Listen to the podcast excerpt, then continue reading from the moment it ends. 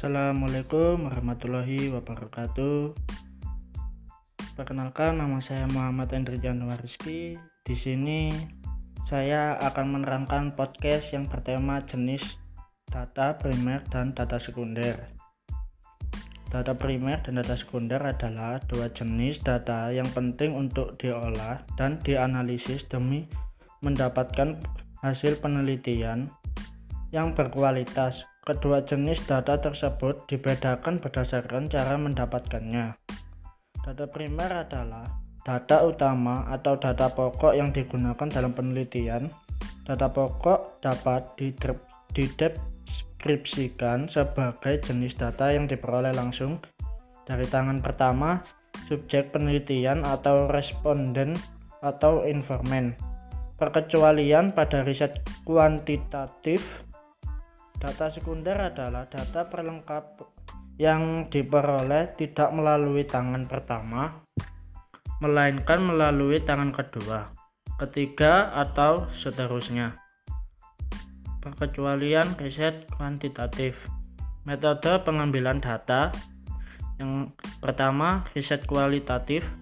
Cara, cara mengumpulkannya data primer dan sekunder dalam riset kualitatif dapat dilakukan dengan beberapa cara. Beberapa teknik yang sangat umum digunakan adalah sebagai berikut. Wawancara mendalam, observasi, dan dokumen. Yang kedua, riset kuantitatif. Cara melakukan pengumpulan data primer dan sekunder. Riset kuantitatif juga dapat dilakukan dengan berbagai cara, sebagai berikut: survei dan dokumen.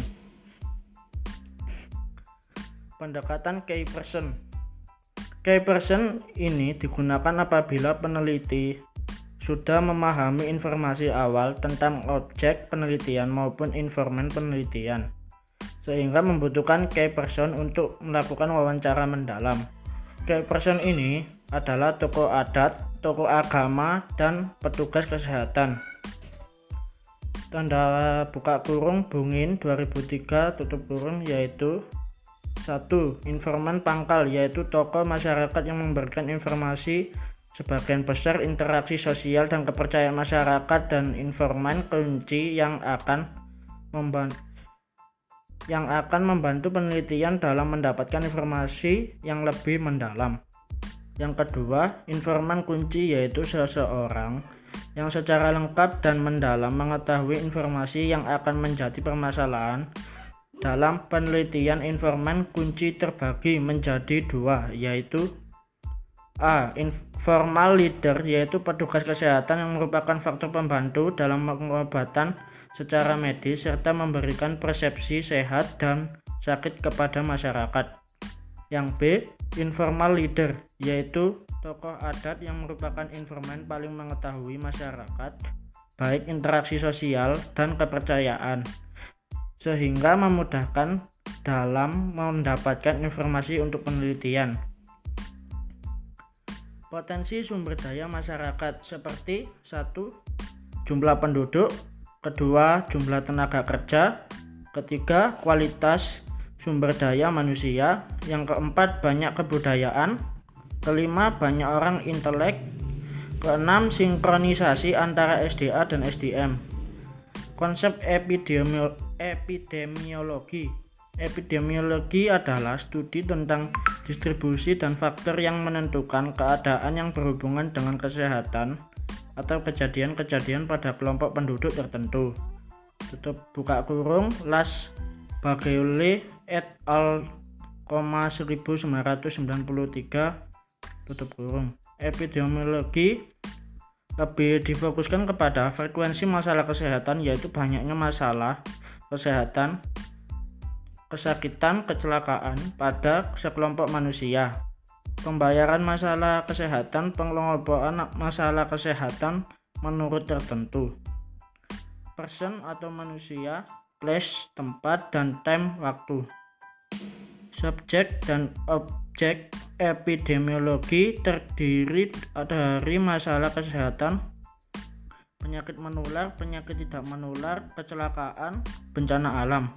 Masalah kesehatan yang ditemukan pada sekelompok manusia dalam merumuskan penyebab timbulnya suatu masalah kesehatan dimanfaatkan data tentang frekuensi dan penyebaran masalah kesehatan. Kesehatan tersebut berupa metode lead epid atau penyebab masalah dan timbulnya masalah kesehatan. Epidemiologi akan menggambarkan penyakit secara komprehensif dan dinamis, tidak hanya mencakup wabah tetapi juga antara periode terjadinya wabah secara sporadis dan endemis tingkat kematian, kesakitan, ketidakmampuan, dan status kesehatan masyarakat lebih diperhatikan dan melakukan penelitian epidemiologi. Kegunaan studi epidemiologi atau Bronson and Petiti 1998 antara lain menemukan faktor-faktor mempengaruhi kesehatan buka kurung agen, host, dan lingkungan. Tutup kurung sebagai dasar ilmiah. Untuk tindakan penyakit, kecelakaan, injuri, dan promosi kesehatan menentukan penyebab utama kesakitan, kecacatan, dan kematian untuk menetapkan prioritas tindakan dan riset mengidentifikasi kelompok penduduk risiko tinggi dari suatu penyakit sehingga tindakan dapat segera diprioritaskan mengevaluasi efektivitas program-program kesehatan dan upaya pelayanan dalam rangka peningkatan kesehatan penduduk. Metode atau pendekatan epidemiologi meliputi A. Epidemiologi deskriptif buka kurung deskriptif epidemiologi kurung di dalam epidemiologi deskriptif dipelajari bagaimana frekuensi penyakit berubah menurut perubahan variabel-variabel epidemiologi yang terdiri dari person, tempat, place, dan waktu time. Satu orang atau person meliputi peranan umur, jenis kelamin, kelas sosial, jenis pekerjaan, penghasilan, golongan etnik, status perkawinan, besarnya keluarga, struktur keluarga, dan paritas. Yang kedua, tempat atau place adalah pengetahuan mengenal distribusi geografis, misal kota dan pedesaan, batas daerah dan lain-lain dari suatu penyakit berguna untuk perencanaan pelayanan kesehatan dan dapat memberikan penjelasan mengenai, mengenai etiologi penyakit. 3. Waktu atau time Mempelajari hubungan antara waktu dan penyakit merupakan kebutuhan dasar dalam analisis epidemiologis. Oleh karena itu, perubahan-perubahan penyakit menurut waktu menunjukkan adanya perubahan faktor-faktor etiologis. B. Epidemiologi analitik buka kurung analitik epidemiologi buka kurung pendekatan atau studi dipergunakan untuk menguji data serta informasi-informasi yang diperoleh studi epidemiologi deskriptif. Ada tiga studi tentang epidemiologi ini yaitu satu studi riwayat kasus buka kurung case history studies tutup kurung dalam studi ini akan dibandingkan antara dua kelompok orang, yaitu kelompok yang terkena penyebab penyakit dengan kelompok orang tidak terkena penyakit. Tutup buka kurung kelompok kontrol. Tutup kurung. Yang kedua, studi cohort atau cohort studies. Dalam studi ini, sekelompok orang akan mengambil sekelompok orang lagi yang mempunyai ciri-ciri sama dengan kelompok pertama setelah beberapa saat yang yang telah ditentukan, kedua kelompok tersebut dibandingkan. Dicari perbedaan antara kedua kelompok tersebut bermakna atau tidak. Yang ketiga, epidemiologi eksperimen. Studi ini dilakukan dengan mengadakan eksperimen percobaan kepada kelompok subjek, kemudian dibandingkan dengan kelompok kontrol yang ditentukan percobaan. Perubahan dan perkembangan pola penyakit. Di dalam perkembangan epidemiologi selanjutnya mencakup sekurang-kurangnya tiga elemen yakni yang A mencakup semua penyakit epidemiologi, mempelajari semua penyakit. Epidemiologi ini mencakup juga kegiatan pelayanan kesehatan. Yang B, populasi. Epidemiologi ini memusatkan perhatiannya pada distribusi penyakit pada popularitas masyarakat atau kelompok. C. Pendekatan ekologi, frekuensi, dan distribusi penyakit dikaji dari latar belakang pada pe, pada keseluruhan lingkungan manusia, baik lingkungan fisik, biologis, maupun sosial. Hal inilah yang dimaksud pendekatan ekologi. Pengukuran epidemiologi yang pertama, insiden insiden rate insiden rate dari satu penyakit tertentu adalah jumlah kasus baru yang terjadi di kalangan penduduk selama periode waktu tertentu. Jumlah kasus baru suatu penyakit selama periode tertentu. Yang kedua, attack rate. Jumlah penderita baru suatu penyakit yang ditemukan pada suatu saat dibandingkan dengan jumlah penduduk yang mungkin terkena penyakit tersebut pada saat yang sama. Attack sama dengan jumlah kasus selama epidemi populasi yang mempunyai resiko-resiko kali seribu. Yang ketiga, prevalence rate.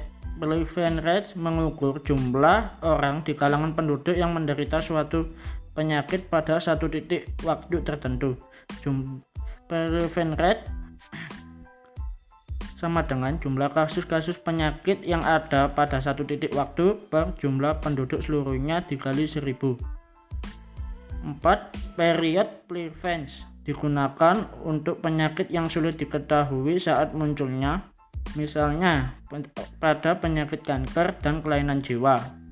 Period prevalence sama dengan jumlah kasus penyakit selama periode per penduduk rata-rata di periode tersebut buka kurung mid period population tutup kurung kali 1000 5 crude death rate atau CDR sama jumlah kematian di kalangan penduduk.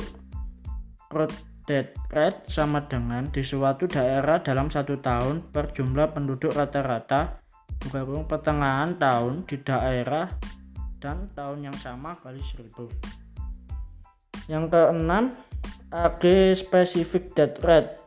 Buka kurung angka kematian pada umur tertentu. Sebagai contoh AG Specific Death Rate pada golongan umur 20-30 tahun jumlah kematian antara umur 20 tahun sampai dengan 30 tahun di suatu daerah dalam waktu satu tahun AG Specific Death Rate sama dengan di suatu daerah dalam waktu satu tahun per jumlah penduduk berumur antara 20 sampai 30 tahun pada daerah dan tahun yang sama kali 1000. Yang ketujuh, cause disease specific death rate angka kematian akibat penyakit tertentu. Sebagai contoh kematian karena TB. Jumlah kematian karena TBC di satu di satu daerah dalam waktu satu tahun. Kaus TB spesifik death rate sama dengan satu daerah dalam satu tahun per jumlah penduduk rata-rata atau pertengahan tahun pada daerah dan tahun yang sama kali seribu. Peran perawat dalam epidemiologi Perawat sebagai tenaga kesehatan memiliki peranan sangat penting dalam epidemiologi. Hal ini dapat dilihat dalam penerapan community health nursing atau CHN atau keperawatan kesehatan masyarakat yang merupakan ilmu pengetahuan epidemiologi sebagai alat meneliti dan mengobservasi pada pekerjaan dan sebagai dasar untuk intervensi dan evaluasi literatur riset epidemiologi. Metode epidemiologi dapat digunakan sebagai standar kesehatan, disajikan sebagai alat untuk memikirkan kebutuhan masyarakat. Kemudian metode epidemiologi juga dapat digunakan untuk melakukan monitoring perubahan status kesehatan masyarakat dan evaluasi pengaruh program pencegahan penyakit di dan peningkatan kesehatan. Perawat menggunakan hasil riset atau studi epidemiologi sebagai informasi awal dalam menculkan badan pengetahuan atau body of knowledge termasuk riwayat asal penyakit pada terjadinya penyakit dan faktor-faktor resiko tinggi terjadinya penyakit. Adapun program yang dapat dilakukan perawat berdasarkan riset epidemiologi adalah program utama pencegahan difokuskan pada menjaga jarak perantara penyakit dari host atau tuan rumah yang rentan. Kedua program mengurangi resiko dan screening. Screening. Ketiga, strategi mencegah pada pribadi perawat dengan body of knowledge yang berasal dari riset epidemiologi sebagai dasar untuk pengkajian individu dan kebutuhan kesehatan keluarga dan intervensi perencanaan perawat. Sekian dari saya, mohon maaf jika ada salah kata. Wassalamualaikum warahmatullahi wabarakatuh.